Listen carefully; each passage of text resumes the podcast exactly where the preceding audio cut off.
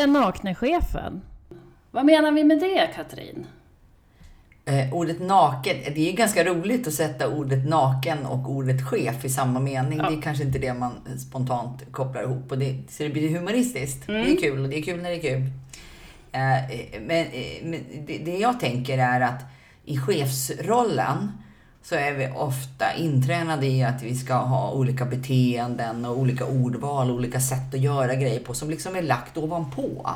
Och som människa så försvinner man lite där bakom och, och vet inte riktigt hur, hur kommer jag fram. Vi får lära oss att vi inte ska vara kompis med våra medarbetare och att chefen är ensam i sin roll och ska ha en viss distans. Och, och det där blir lite konstigt när man samtidigt ska använda sig själv som människa. Det här ska vi prata mer om och mycket mer. Det här är Helena Liljedahl. Och Katrin Ditz. Vi kommer att ha den här podden och prata om högt och lågt baserat på våra erfarenheter om chefskap. Och vi, vi har inte någon idé om att någon av oss sitter på sanningar som vi ska eh, kabla ut till andra, utan hela vår idé är att om vi pratar med varandra så kan vi förhoppningsvis väcka några frågor, säga någonting så, som är intressant för andra att höra. Vad man håller med om och inte, det är precis upp till var och en. Så ta det du tycker är intressant och strunta i resten. Vi brinner för båda två att någonting känns lite falskt, lite fel när vi har varit i våra ledande positioner på olika ställen. På större bolag, mindre bolag, offentliga bolag. Det är någonting som vi saknar båda två.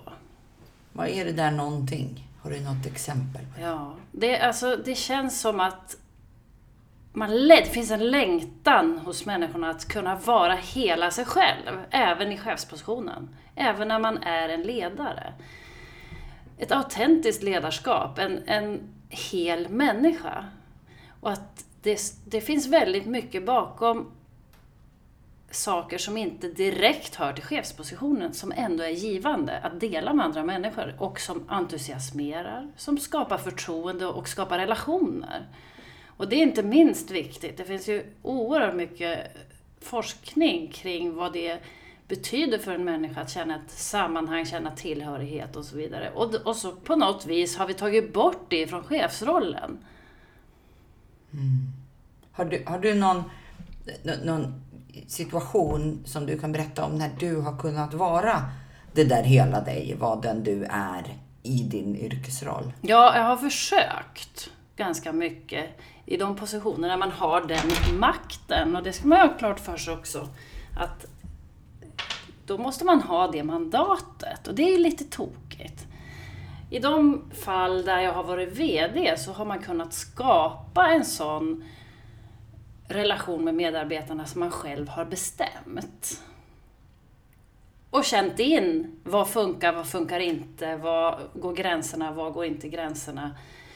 Men så snart man kommer in i en organisation där du har en större och mer strukturerad hierarki, eller hur jag ska uttrycka mig, då är det mycket svårare. Därför då kommer det in ett politiskt, internpolitiskt tänk, där du hela tiden bedömer dig varandra. Och då är det enda som gäller plötsligt siffrorna. Skulle man kunna säga att, alltså det du säger, betyder det att för att kunna vara hela dig själv så behöver du vara högsta chefen? Ja, nej, nej. Egentligen är det ju inte så, men jag har upplevt det så. Det borde inte vara Men så. det borde inte vara är så, det, men det- om man tänker på erfarenheten. Ja, så erfarenheten det har du det. kunnat gjort mest av när du har varit Ja. i toppchefen så ja, att säga. Ja. Intressant. Och sen då när man kommer in i en, i en större organisation och sitter mer i en mellanchefsroll, vad är det du säger då? Betyder det där att, att vi då tittar mer på varandra som chefer än på uppdraget och medarbetarna? ja. Då blir det plötsligt, jaha, hur en slags eh, en konkurrenssituation mellan mellanchefer där alla måste visa att de presterar. Och att visa att prestera gör du enbart genom att visa ett resultat på pappret. Men för alla oss som sitter i det läget då, inte högsta chefen, Mm. Nej. de flesta är ju faktiskt inte Nej, högsta precis. chefen.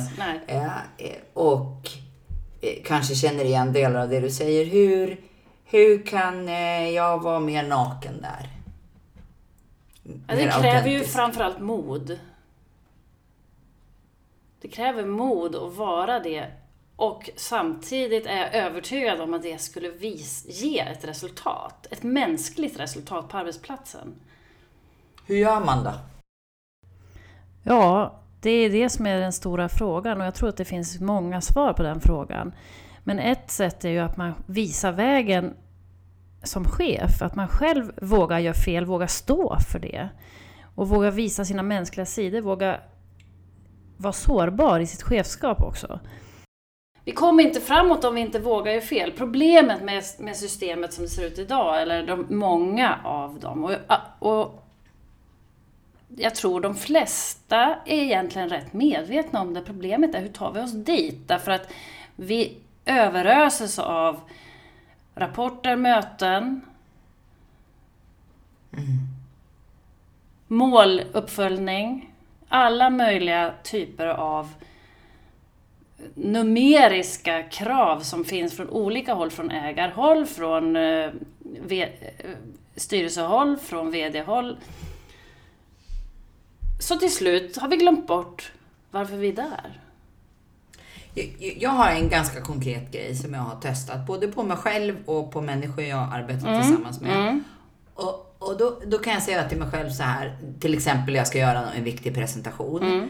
Och, och, när jag förbereder mig för den så säger jag till mig själv, okej okay, Katrin, om du nu överhuvudtaget inte alls behöver bevisa Mm. Att du är kompetent mm. och duktig och förtjänar att ha den roll du har. Om du mm. bara tar bort det, du mm. utgår ifrån att det vet alla redan. Mm. Det är inte temat, du behöver inte bevisa det själv. Lägg inte en enda millimeter på det.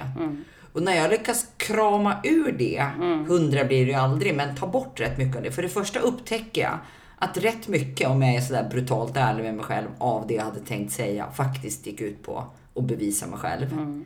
Och, och, och, när jag lyckas plocka bort det, mm då blir det riktigt bra. Då blir det någonting som berör människor och något som man kan relatera till. Därför att det är som att riva en försvarsmur. Mm. Jag har sett samma sak när jag har coachat andra till att göra på det sättet. Mm. Både innan olika typer av framförande prestationer och också efter. Och säga mm. att, men tänk nästa gång om du kan. Mm. Så. Så, så det, det, är ett rätt konkret verktyg. Tänk om jag inte behöver försvara mig. Tänk om jag inte behöver försvara mig. Det låter toppen. Och det, vad kan man säga då egentligen djupare? Vad ligger bakom den känslan att du måste göra det då? Ja, alltså det jag har sett, åtminstone hos mig själv, hos andra också, mm. men det, det, är lättast att, att prata om sig själv här. Eller kanske svårast. det är ju att, att alltså, det är ju att jag tror att jag inte duger som jag är. Mm. Varför skulle jag behöva försvara mig? Då är det någonting jag behöver dölja. Det är väl det försvar går ut på. Mm. Jag ska dölja någonting för dig. Mm. Ja, ska jag dölja det faktum att jag egentligen inte riktigt förtjänar att stå på den här scenen eller ha det här uppdraget mm. eller den här tjänsten eller den här lönen eller vad det nu är mm. för någonting. Men om jag kan göra upp det med mig själv och säga okej, okay, jag är inte perfekt och, och, och, det är klart att det finns massor med punkter man kan ifrågasätta mig på, precis som alla andra människor. Men om jag bortser från det nu och utgår från att det här är fine enough liksom. Mm. Det här funkar. Good enough, det tycker ja. jag är ett fantastiskt ord. För att du kan ju också ägna enormt mycket tid om du kommer in i den här dåliga självförtroendekänslan. För det är ju det vi gör. Vi kommer in i en rädsla, antar jag, när vi eller om jag ser på mig själv, ja. så är det precis det som händer om jag ska ha en presentation och inte äger, för det första, riktigt det jag ska prata om. Eller, som du säger, tror att jag ska prata om något därför att jag ska prestera och gå in i konkurrensen med de andra mellancheferna eller någonting sånt. Ja, det är kopplat till den där konkurrensen ja. tror jag. Och rädsla, det är ju en, en, en, en väldigt naturlig mänsklig känsla ja. som vi har allihopa. Ja. Men det är en urusel förare urusel och det är en destruktiv förare dessutom. Så låt den vara med och erkänna att den finns där, men den får aldrig sitta i förarsätet. Nej. För då blir det inte speciellt bra. Nej. Och det här är ju också, om man då ser, alla mynt har två sidor, om man ser uppsidan på det här, vilka enorma resurser vi skulle ha i våra företag om vi bara kunde vända rädslan. Jag läste en, ett inlägg på, på ett socialt media häromdagen. Mm. Eh, där, där eh, rubriken var Vad är det största enskilda problemet i offentlig sektor? Det är ju en ganska maffig rubrik. Offentlig sektor är megastor liksom, Ja. och består av väldigt många olika organisationer och olika uppdrag. Och så. Ja. Men, men, eh, men det han skrev här, det var det är felrädsla, det ordet använde han. Åh, alltså gud, rädslan ja. för att göra fel. Felrädsla Ja. är det stora. Och det är väl egentligen det, vi säger. Det är precis det vi säger. Och det är det också, tror jag, skälet till att man inte vågar vara autentisk som ledare. Att Nej, man är rädd för att, bli, för att göra fel. Ja, och det är också ett enormt stort ekonomiskt, alltså en ekonomisk potential i det här. Ja, ett- Därför att när jag bygger den där muren, det där försvaret runt mig själv, Mm. då stänger jag också in min kompetens. Mm. Och det försvårar samarbete med andra. Vi får inte kunnande och, och information att flöda. Och, och det finns ju nästan inga verksamheter idag som är av så enkel karaktär att en person sitter på kompetensen. Utan det bygger alltid på att vi kan låsa upp runt oss själva och sätta ihop våra kompetenser. Så komplexa är det ju i de flesta verksamheter. Så att, att riva de där försvarsmurarna. För det första våga upptäcka dem hos sig själv och inte bara säga nej jag har inga, för att det har vi allihop. Och sen våga riva dem. Det har en mega impact på ekonomin. Otroligt bra.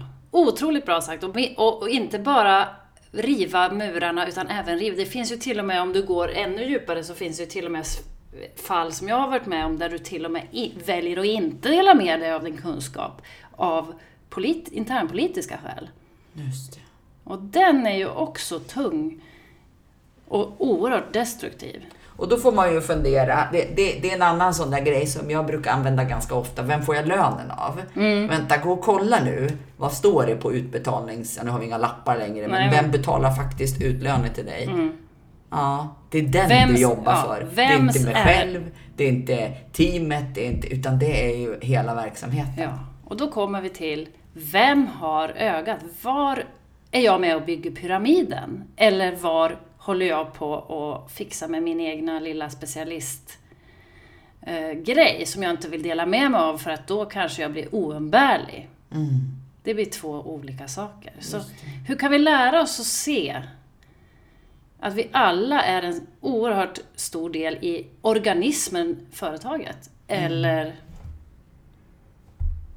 uppdraget? Ja, det, det finns ju en massa saker man säkert behöver jobba med på många olika plan. Men, men jag tror den enskilt viktigaste, det är den där att, att försonas med sig själv och lita på sitt eget kunnande och sin egen kompetens. För då har jag plötsligt inga behov av att vare sig konkurrera eller försvara mig Nej. eller låsa ute andra från det jag vet. Jag tror ingen enskild grej har så stor impact Nej.